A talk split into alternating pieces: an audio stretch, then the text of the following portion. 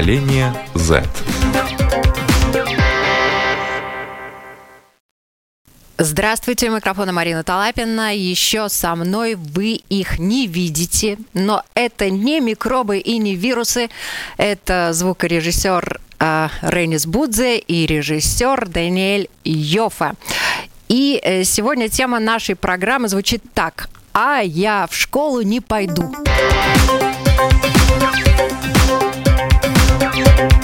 Поколение Z. Мечта миллионов школьников и студентов наконец-то сбылась. Кто-то услышал ее. Теперь в школу ходить не надо. Можно оставаться дома, но учебу, конечно, никто не отменял. Поэтому мы сегодня узнаем, как учатся латвийские ребята в Латвии и за рубежом. Удается ли им прогуливать уроки, и, может, э, они изобрели какую-то новую систему освоения знаний, например, не вставая с постели. А, и э, узнаем это у ребят. С нами на связи по скайпу. Я рада представить Кирилл Гончаров, 71-я школа Риги. Здравствуйте. А Ренат Кудинов учится в гимназии Золитуды, при этом Ренат действующий чемпион Латвии по э, русскому бильярду, одной из разновидностей русского бильярда. Всем привет. Михаил Олехов в прошлом году поступил в музыкальный колледж в Праге, когда в Чехии ввели ограничения, слава богу, Михаил вернулся на родину, в Латвию. Здравствуйте. И Алиса Шевченко. Сегодня она с нами говорит из Мадрида. Она училась в первой рижской гимназии, сейчас учится в Англии. Но э, поскольку э, все страны на карантине, она э, сегодня проводит время со своими родителями в Испании. Всем привет. Итак, очень рада вас всех видеть. И первый вопрос, конечно, как вам э, дается учеба онлайн? Э, на самом деле, в моем случае мне она дается намного проще, потому что есть э, очень пластичный график, и я могу сам сказать, ой, я сегодня хочу делать сугубо вот это и это, остальное можно как-нибудь на будущее, и главное в итоге потом не забывать, но это отдельная история. У нас есть видео, которое ты нам подготовил, и давайте э, его посмотрим, и как раз э, ты там расскажешь о том, как ты учишься. Да, если вы уже заметили этот большой белый параллелепипед за моей спиной, то вы можете догадаться, что я нахожусь на кухне. И у этого на самом деле есть несколько логических объяснений. Во-первых, э, с психологической точки зрения, находиться в среде, которая у тебя не ассоциируется с комфортом, приводит к тому, что ты более продуктивно работаешь. И на самом деле это является главной причиной, по которой я нахожусь здесь.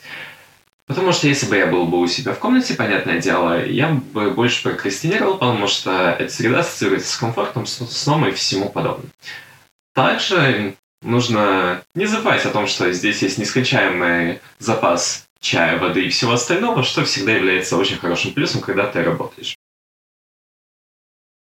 Сам процесс учебы оптимизировался с того момента, как у нас оно началось. То есть, если Первые недели это было 8, 9, 10 часов 7 дней в неделю, и все себя чувствовали полностью отвратительно, то сейчас это уменьшилось до примерно 5-6 часов по рабочим дням, и даже выходные бывают свободными. Что определенно является плюсом, потому что нужен какой-либо отдых от всего того, что происходит.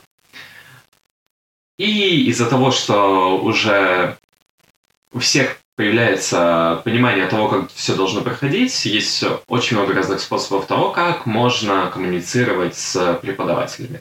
Это как и видеозвонки, и обычные звонки, так и сообщения и имейлы.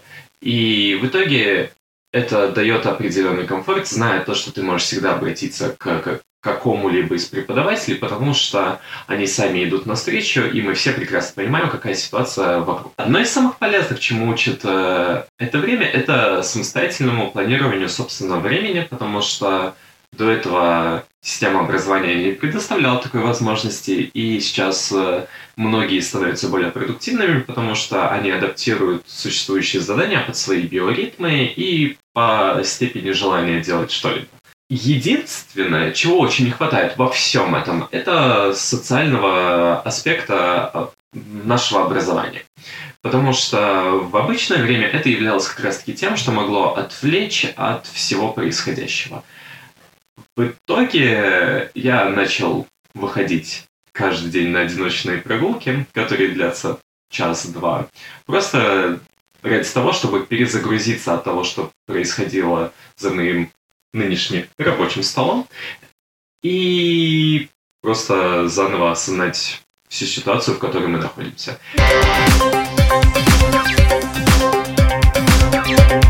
Поколение Z. Вообще всем э, твоим одноклассникам учеба онлайн дается так же легко, как и тебе?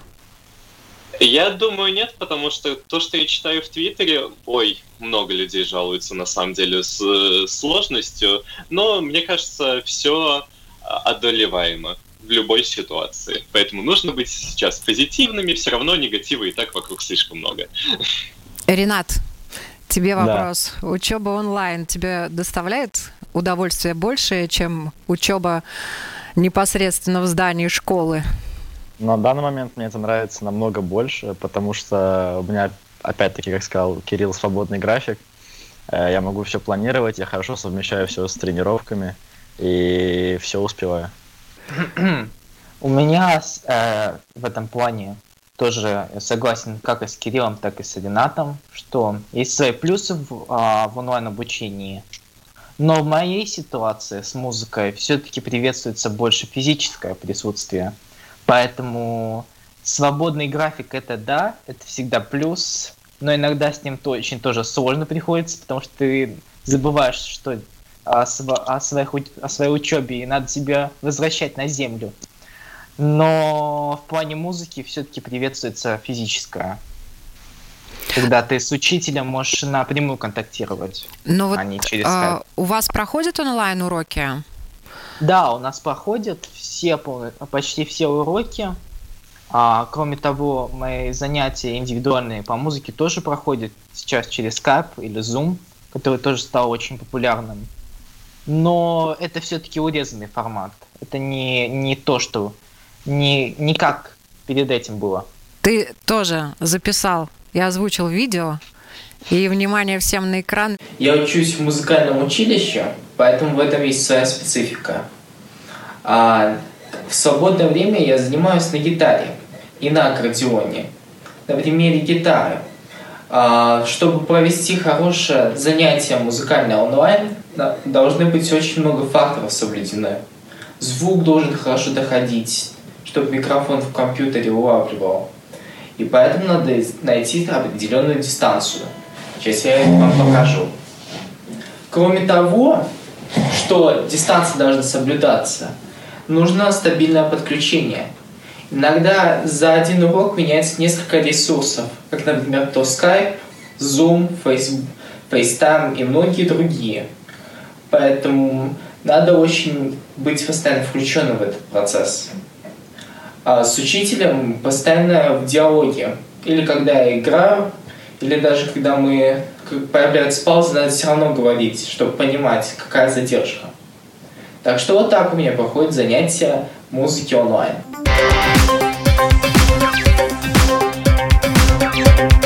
Поколение Z. Алиса, девушка из Латвии, которая в прошлом году поступила в очень престижный вуз Великобритании. И, естественно, она очень серьезно относится к учебе. Вся эта ситуация с дистанционным обучением. Э, ты сейчас находишься в Мадриде э, у своих родителей. Вот рассказывай, как у тебя происходит учеба в Англии из Мадрида. Ну, а Сказать можно то, что я согласна, во-первых, как с Кириллом, так и с Ренатом, о том, что э, расписание у меня получается очень свободное, но при этом я больше поддерживаю Мишу. Мне больше тоже нравится контактировать э, напрямую с профессором, несмотря на то, что это математика, можно изучать отдаленно. Но все-таки это совсем не то же самое, что э, сидя в, лек... в аудитории, о чем я тоже видео сняла, как у нас проходят эти онлайн-лекции. So that's enough for the moment. So have a nice weekend and we are going to continue next week with our next set of topics. Вот так и учимся дистанционно, пока на карантине. Это, конечно, не то же самое, что э, в аудитории на кампусе, но математика та же, и профессор тот же, так что пока получается. Несмотря на то, что у нас сейчас вот такой период жизни, экзамены у нас никто не отменял. Э, об этом я узнала вчера. Нам прислали имейл, что у нас будут экзамены онлайн, как и по всей Англии, что меня немножечко шокировало, потому что я честно надеялась на то, что экзамены отменят. Но нет, ничего подобного. Будут в конце мая, все как надо. Вот так вот. В этом году выпускной класс у Кирилла. Ах, да, тебе повезло. Во, во всех отношениях. На самом деле, насчет экзаменов это очень сложный вопрос, потому что, опять же, у нас до сих пор есть очень большой элемент неожиданности внутри того, будут проводиться, как будут проводиться, какой будет материал, потому что, опять же, у нас правительство выпустило три варианта, как могут и идти экзамены, и какой будет материал. Поэтому мы до сих пор живем относительно в неизвестности, но вот лично я все равно считаю, что они должны быть, потому что несмотря ни на что, экзамен более объективно дает э, понять ситуацию каждого отдельного ученика и, и предположим, как он э, оценивается лучше или хуже. Я сейчас э, смотрю это со стороны того, что потом эти же люди будут поступать, а мы знаем, что обычные оценки это очень субъективное понятие, и очень часто могут э, оценка, может оценка быть лучше или хуже только потому, что с учителем отношения таковы. Поэтому экзаменам быть. Мы медленно, но уверенно к ним готовимся. Я думаю, все будет, опять же, хорошо. Экзамены онлайн э, э, – это плюс или минус? У меня есть опыт, когда я сдавал, а, уже не помню, какой тест онлайн, и там указывалось в требованиях, что включена камера постоянно. Там есть, есть возможность выработать такие правила, что очень будет осложнено списать. Потому что в таких случаях обычно как одно из требований выдвигается постоянно активная камера, человек не может выходить из своей комнаты, когда он пишет экзамен. И, кроме того, постоянно ведь есть возможность даже в скайпе делиться своим экраном, а что уж тут говорить о специальных платформах образовательных. Так что, я так думаю, как-то решат эту проблему. Ох, ну я не знаю, девчонкам повезло, у них есть э, длинные волосы, они могут вставить себе наушники, и родители из кухни могут там диктовать ответы, как вариант. Ой, мама ми, я, наверное, сейчас кого-то чему-то плохому учу. Да, лучше я помолчу и, и задам вам следующий вопрос. А, вот э, мне, конечно, э, больше всего интересно Э, и любопытна судьба Кирилла, потому что тебе же не просто надо сдать экзамены, выпуститься из родной школы, да, помахать ручкой учителям, которых ты любишь, которые тебя знают. Тебе надо еще и поступить в ВУЗ желательно в этом году, да? Ты же серьезный парень, и наверняка таких, как ты, в нашей стране точно много. Вот рассказывай, какие у тебя планы и что ты уже об этом знаешь. Ну, на самом деле, я знаю, что все вузы, по крайней мере, на данный момент, они будут э, переносить просто на более поздний период э, время поступления, но при этом они не будут никакие экзамены делать дополнительные свои, потому что это для них слишком невыгодно, это слишком много ресурсов. А вот насчет самого факта, то, что поступать в университет, и вот из-за того, что с самого начала была объявлена чрезвычайная ситуация, я, например, не смог сходить на многие мероприятия, которые проводили те же самые ЛУ или РТУ, где знакомились с многими программами, что, э, опять же, может сделать мой конечный выбор э, менее рациональным, чем я надеялся. Поэтому да. Но на данный момент все равно э, есть вот эта доля того, что все еще будет рационально, все еще будет объективно. И я надеюсь, так у нас и продолжится. Ребят, слушайте, ну у вас же наверняка много знакомых, э, которые хотели ехать поступать за рубеж. Да. У меня подруга есть, она сейчас, э, ну, она такого же возраста, как я, но по обучению на год младше, то есть ей сейчас поступать, и мы с ней учились в одном колледже в Англии, и она мне рассказала, я думаю, почти не поверила, и может быть что-то еще изменится, но на данный, ну, на тот момент, когда она мне это рассказывала, было так, что A-levels экзамены отменяются, и будут ставить оценки как predicted grades, их как бы оставят твоими оценками. То есть поставят объективные оценки, объективные, не знаю, насколько объективные оценки учителя. Может быть, что-то еще будет онлайн, но таких экзаменов, как у меня было в прошлом году, не будет. И это вот очень интересная такая позиция. Я не, не знаю, как это будет проходить, но посмотрим. Как учителя? Они с вами делились своими эмоциями? Каково им преподавать дистанционно? Как они справляются? Как вы оцениваете? Вот, как они справляются? Неплохо. Очень У нас лекции проходят вполне нормально. На самом деле вообще отличия от реальной жизни нет, ну, кроме того, что ты находишься, так сказать, за компьютером. Но отличия вообще нету. И на самом деле, мне кажется, это хороший такой взгляд в будущее, потому что вот эта ситуация, она, я думаю, научит нас всех держать дистанцию, быть аккуратней и очень много изменится, очень много. И я думаю, что вот этот вот такой период коронавируса, когда все учатся дистанционно, он повлияет на обучение тоже. Да. В нашем случае тоже огромная благодарность учителям, которые... Я, я знаю, что некоторые учителя даже никогда не делали конференции, никогда не входили, этому очень удивлялись, что у них получалось. И огромное спасибо тем учителям, которые делают, за, которые записывают себя на видео, как они решают что-то у доски, как они объясняют материал у доски, и это безумно помогает. И прямо интересно слушать. Кирилл. А в нашем случае, как я вижу, некоторые учителя даже получают определенное удовольствие от того, когда они пытаются придумать, как можно дигитализировать то, что обычно было в стандартной, э, в стандартном образовательной системе. И я, я вижу в них энтузиазм в этом плане. Да. Новые возможности, да, для них открываются тоже. Абсолютно новые возможности. Также и может очень сильно меняться и сам вид заданий, которые они могут давать, потому что это больше не являются, предположим, стандартные тесты. Это становится интерактивной игрой в Кахуте. И, да. Миш, тебе есть что добавить? Мне есть только добавить то, что огромный респект всем учителям за эту работу. И полностью согласен с Алисой, что учителя очень много для нас делают. Главное, что открыты ко всему новому. И это шаг большой к тому, чтобы в будущем это это а, у нас сейчас происходит то, что может быть как будет проходить обучение через 10-15 а, лет. Такой взгляд. Так что э, спасибо учителям уроки физкультуры? Или как вы себя поддерживаете в форме? А, сдавать физкультуру в какой-то веке надо, потому что мы ведем отчетность наших спортивных активностей.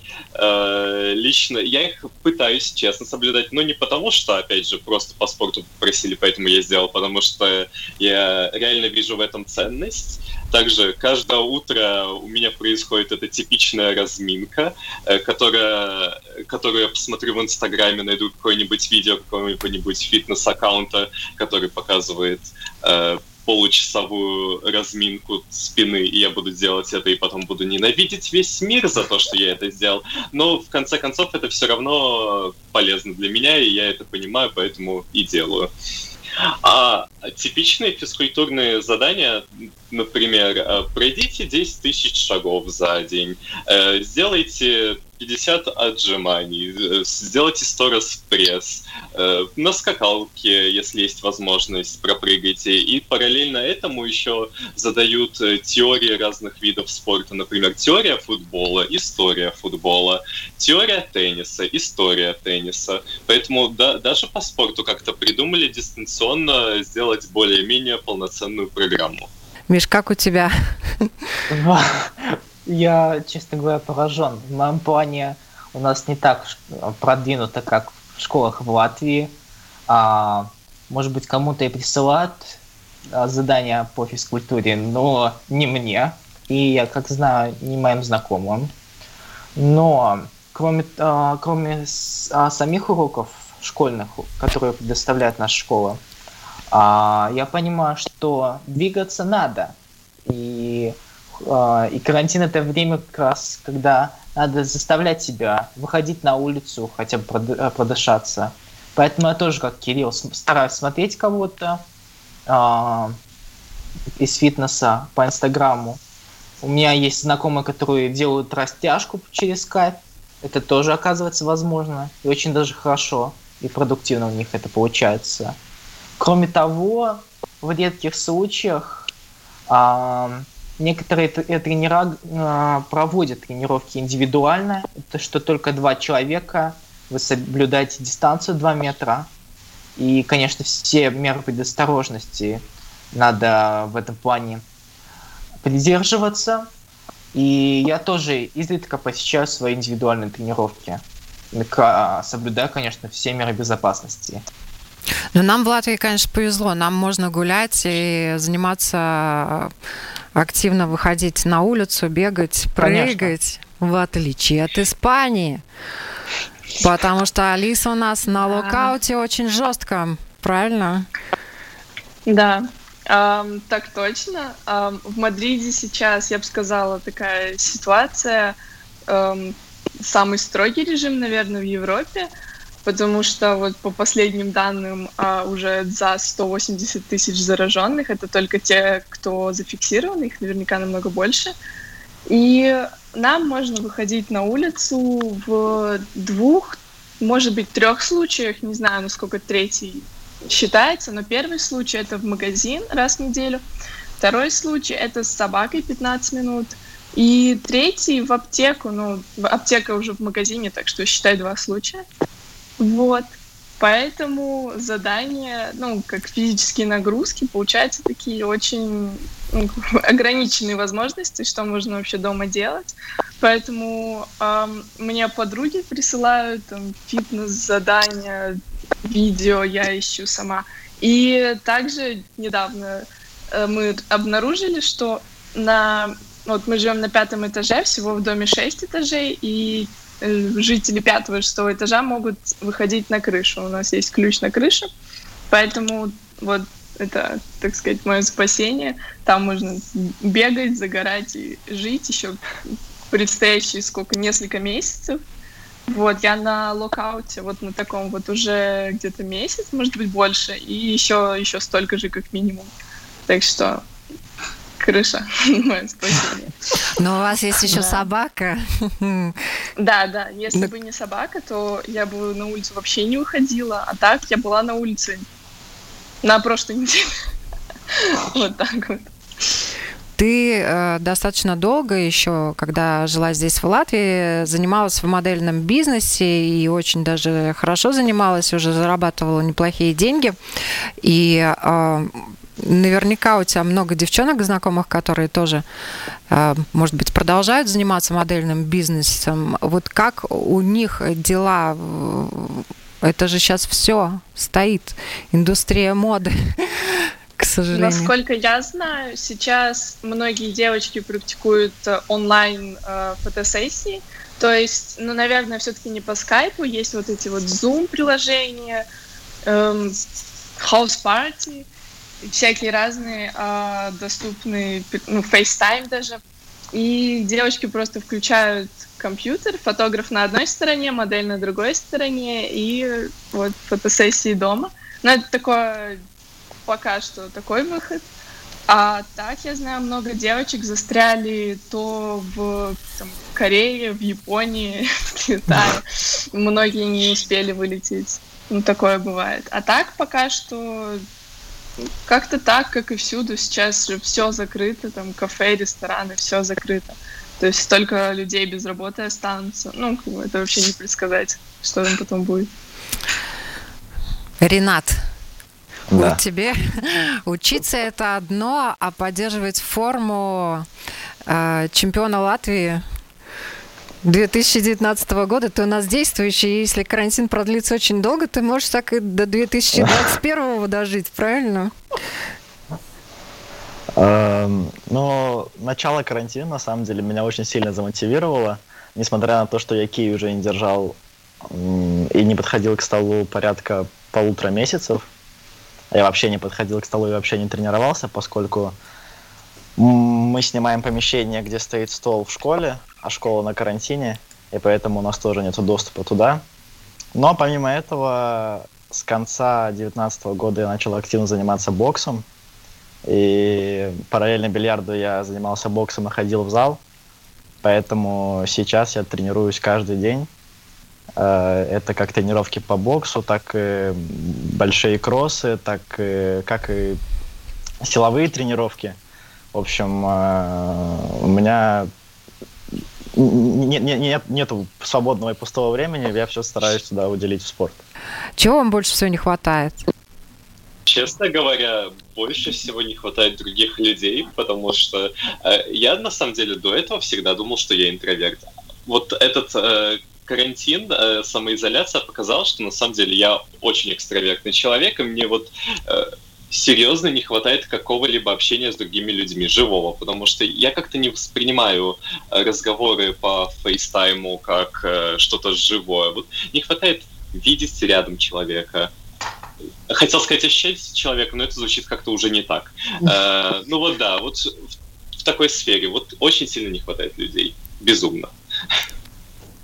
Миш, тебе а, я, наверное, соглашусь с Кириллом. Мне тоже не хватает безумно людей, потому что одно это общение через сети мессенджеры и социальные сети, совсем другое, это, конечно, живое. Но кроме того, очень не хватает концертов и э, мероприятий, где можно выступить, потому что когда начался карантин, у меня было очень много запланировано на эту весну, и у меня все, это, все планы мои полетели, так что это, это тоже печально. Мне не хватает мотивации, как и многим сейчас сидящим дома. Можно представить себе, что как бы, а зачем, а зачем учиться сейчас, а зачем что-то делать, когда все равно не выйдешь на волю еще несколько месяцев.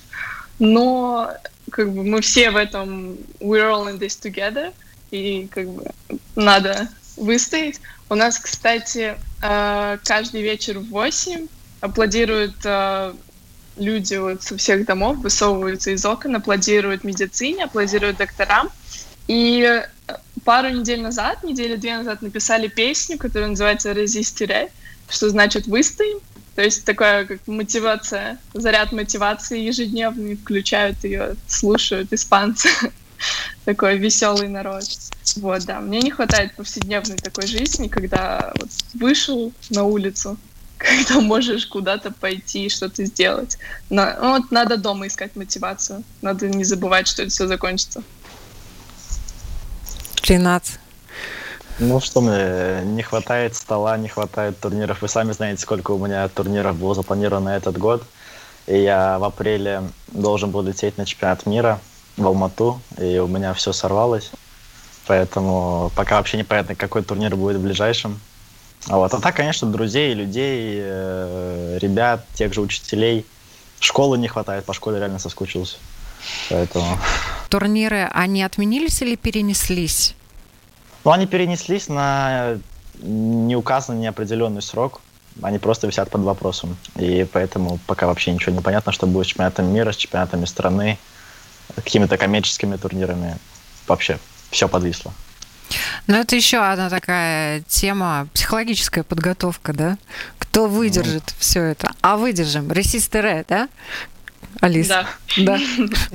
Мы выдержим. Вы уже взрослые люди и, и давно в таком количестве э, время, наверное, с близкими, своими родными, э, любимыми папами, мамами не проводили. А вот э, с их стороны не появилось там добавочного такого внимания к тому, как вы учитесь, или еще что-то. Насколько вам комфортно? Появилось. Ну, больше такого, я не скажу контроля, но просто больше осознаешь, что кто на что тратит время. Ну, это нормально. Ничего такого страшного в этом нету. Как бы до этого я была окружена друзьями, сейчас я окружена семьей. Буду ценить то, что есть. В моем случае просто более сильно пристальное, более пристальное внимание именно к тому, насколько на самом деле я много делаю, потому что когда постоянно кто-либо на работе, они не, не воспринимают как будто бы, ой, ну, школа, ну что там может быть? В несколько часов сделаешь домашнюю работу и все в порядке. Нет, 10 часов. Э, мой рекорд пока что на этом карантине это 10 часов в день.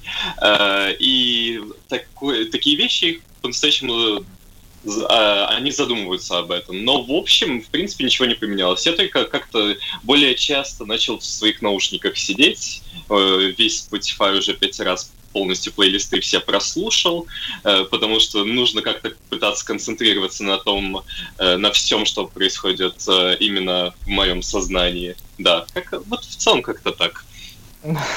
Ну, в том плане я соглашусь, что начали больше обращать внимание на то, как я занимаюсь и как у меня проводят, проходят занятия, но такого прям, что начали каждый час спрашивать, ну как, что, такого нету.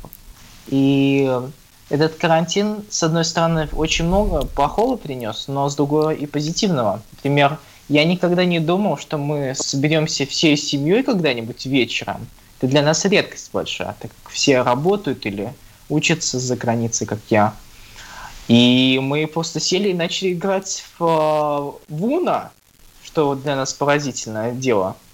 Это такая карточная игра. И э, для меня это было такое прям возможность взглянуть на все с другой стороны. Ренат. Ну да, сейчас, конечно, с семьей сблизился я намного больше, и я ценю это, это мне нравится, но я и про друзей не забываю, я стараюсь чуть-чуть от семьи тоже пытаться изолироваться, потому что, потому что проводить с ними 24 на 7, мне кажется, невозможно, мы не вынесем, не вынесем друг друга. Но при этом я начал больше углубляться как-то в их деятельность, на что они тратят время, как сказала Алиса.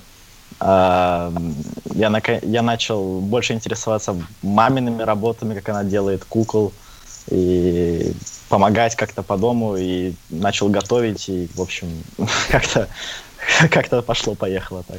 Но мне это нравится. Слушайте, ну некоторые родители говорят, что у детей сбился ритм жизни. Они теперь э, ложатся под утро, а встают под вечер. Ха-ха, Алис, э, у тебя тоже Согласна. такое случается, да? Да, эм, идем спать э, в полночь, но в итоге засыпаю там в три, как получается, в четыре встаю в 12. Но это надо исправлять, это надо потихоньку, понемногу исправлять, потому что все-таки через месяц, как по прогнозам сейчас, через месяц начнут выпускать нас на, ну, как бы, не, не вообще отменят карантин, наверное, перенесут его в изоляцию, которая сейчас в Латвии, через месяц. То есть еще месяц вот так вот сидеть. Надо как-то подготовиться и э, все-таки менять режим, не так вот в три ложиться. Да. У меня тоже проблема с моим режимом. Так что я понимаю тебя, Алиса. А как вы развлекаетесь и общаетесь с друзьями? Ну, вот так же. Только... В принципе, только. Только по скайпу, да? А вот вы можете себе представить, вот чем бы вы занимались, если бы не было гаджетов, интернета? Нет, вообще на самом деле, безумно спокойно, потому что я даже подсчитал специально перед этим эфиром. Я за три недели прочел примерно шесть книг, поэтому я знаю, что бы я делал в свободное время, если бы э, не было бы никакого интернета у нас. У меня был только что опыт, буквально неделю назад, как только ну, нач, начался, в принципе, карантин, э, у меня отобрали телефон, который у меня уехал в сервис на несколько дней. Я был... А, и компьютер у меня до кучи еще сломался. В общем, я был без компьютера, без телефона, полностью изолирован, без контактов, без соцсетей. И как-то как и, и режим начал улучшаться, и, и, и появилось чем время заполнять. И, и готовить начал, да? И маме и помогать. готовить начал, да, да. И читать. Поэтому можно представить, чем заниматься. Я тоже могу себя представить, потому что мне для того, чтобы заниматься музыкой, не нужен интернет или мобильная связь. Так что в этом плане мне повезло. Да и как Кирилл, я очень люблю читать книги. Тоже прочитал уже сколько там, три за две недели.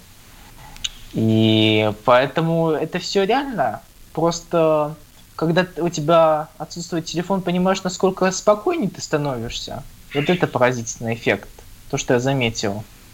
А, что ты не обращаешь внимания, что у тебя в ленте появилось. Ты не, постоянно не отвлекаешься на свой инстаграм или что-то подобное. Поэтому с, это очень не, необычный опыт во всех смыслах этого. Вот вопрос, как долго вообще можно прожить без ну, да. связи с миром? Алис, тебе вопрос этот же. Да, я вот скажу, что на самом деле вот сейчас вот в этом локдауне у меня телефон, он как бесполезный. Ну, там с друзьями, да, созвонюсь, но так, в принципе, он мне не нужен, где-то валяется в доме. Единственное, что вот без чего бы реально было очень сложно, это без интернета для учебы, потому что у меня сейчас все в интернете, у меня все, все материалы в интернете, задания, assignments, вообще все. Поэтому если бы это можно было как-то, не знаю, распечатать и заранее получить, то как бы можно представить себе, как выживать. Да. А вы стали делать что-нибудь дома, э, то, что вы раньше не делали? Что-то поменялось? Да. Я начал вести дневник, что для меня совсем неожиданно, неожиданностью стало. И кроме того, я больше начал понимать, что, что время надо как-то планировать, а то без конкретной мотивации, выстроенной на день, тебе этот день просто так проходит, потом вечером понимаешь, что ничего ты не сделал. Вообще, как будто пустота. Поэтому это очень выстраивает мотивацию. В моем случае. А, на самом деле, у меня, например, вот первую неделю, когда у нас объявили чрезвычайную ситуацию, это была та самая неделя, когда, ой, я уберу это, я уберу в своей комнате, я переберу весь шкаф, э, всю одежду разберу, все ненужное попытаюсь кому-нибудь отдать, но в итоге это сейчас все лежит, потому что я не могу это никуда вынести.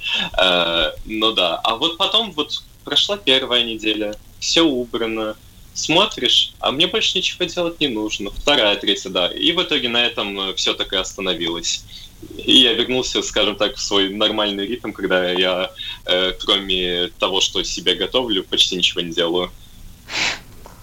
А ты раньше себе готовил? А, я себе уже готовлю где-то, может быть, года четыре. Постоянно. То есть э, я очень редко, когда могу что-нибудь взять, что приготовит родители. Алис. Ну вот у меня с едой наоборот, у меня папа замечательно готовит, и мама тоже, поэтому мне вообще готовить не надо. Мне надо только наслаждаться тем, что вот я, так сказать, у меня сейчас вообще жизнь перевернулась, потому что живя на кампусе, надо готовить самой, стирать самой, убирать самой, все делать самой. Это так, такой большой скачок в взрослую жизнь. Но сейчас, так сказать, вернулась в детство. Все, что от меня надо, это учиться. И на самом деле заметила первые две недели на карантине, когда я была, я училась намного больше, чем до карантина, просто потому что больше делать было нечего. А сейчас как-то оно все так плавненько уходит. Надо возвращать до экзаменов все это. Да.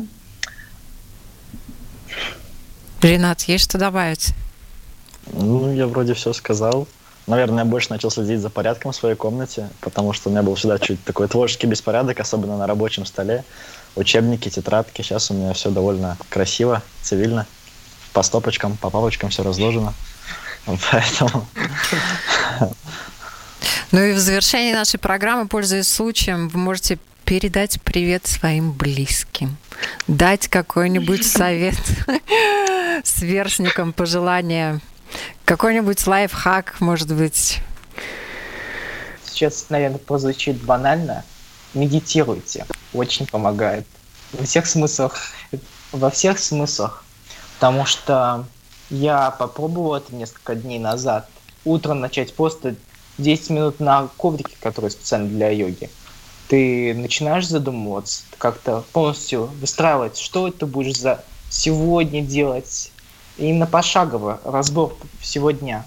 И вот когда это у тебя в голове сформализовалась картинка четкая, тогда сразу становится все, все легко, уходит волнение, и ты просто начинаешь жить полной жизнью. Кирилл. Э, я продолжу Мишу в каком-то смысле. Мой главный совет это планируйте свое время, потому что если вы не будете планировать или если у вас не будет списка, где вы можете отметить, что вы сделали, что вы не сделали, у вас будет меньше мотивации, потому что, мне кажется, одно из самых лучших ощущений, которые есть, это когда ты в списке дел вычеркиваешь что-либо, потому что ты это сделал. И поэтому я рекомендую каждому тоже завестись несколькими списками и пытаться делать все, что в них есть. И самое главное в этом еще не забывайте туда писать э, просто отдохнуть, потому что и в такой ситуации можно э, перестараться и полностью посвятить себя только учебе и забыть про то, что отдых тоже должен существовать. Поэтому отдыхайте и планируйте. Алис. Ой, ну мой совет – я думаю, будет такое, что посвятите это время себе. Потому что изоляция — это замечательный момент, так сказать, найти себя, что ты любишь, что ты не любишь, как ты проводишь время сам с собой. Потому что через пару месяцев все вернется к прежнему, и мы так будем друзьям рассказывать, что ты делал на карантине. Ну, как бы надо, надо с чем-то это заполнить. Ну и да, наша жизнь, она ни, никуда не уйдет. Она вернется быстрее, чем мы это осозна осознаем. И ну, это очень важно уметь проводить время с собой, потому что как бы реально в жизни это важная штука. Вот. Как бы воспользуйтесь этим, найдите то, что вам нравится, делайте. Да, но да. Мой, мой совет, продолжаем общую мысль всех ребят – ищите мотивацию в том, что теперь больше времени, не тратьте его попусту, самореализуйтесь, инвестируйте во что-то новое, ищите новые интересы. И не губитесь, не пропадайте ни в коем случае, пытайтесь, как сказала Алиса, найти себя и прогрессировать. Сегодня с нами были, составили нам компанию, поделились своим опытом своими мыслями Кирилл Гончаров, Алиса Шевченко, Михаил Олехов и Ренат Кудинов. Спасибо вам большое, ребята, за эту классную беседу. Я надеюсь, она будет полезна и интересна всем, кто нас видит и слушает. И я, наверное, закончу э, фразой Артура Шопенгауэра, немецкого философа. Уединение избавляет нас от необходимости жить постоянно на глазах у других и, следовательно, считаться с их мнением. Всем хорошего дня!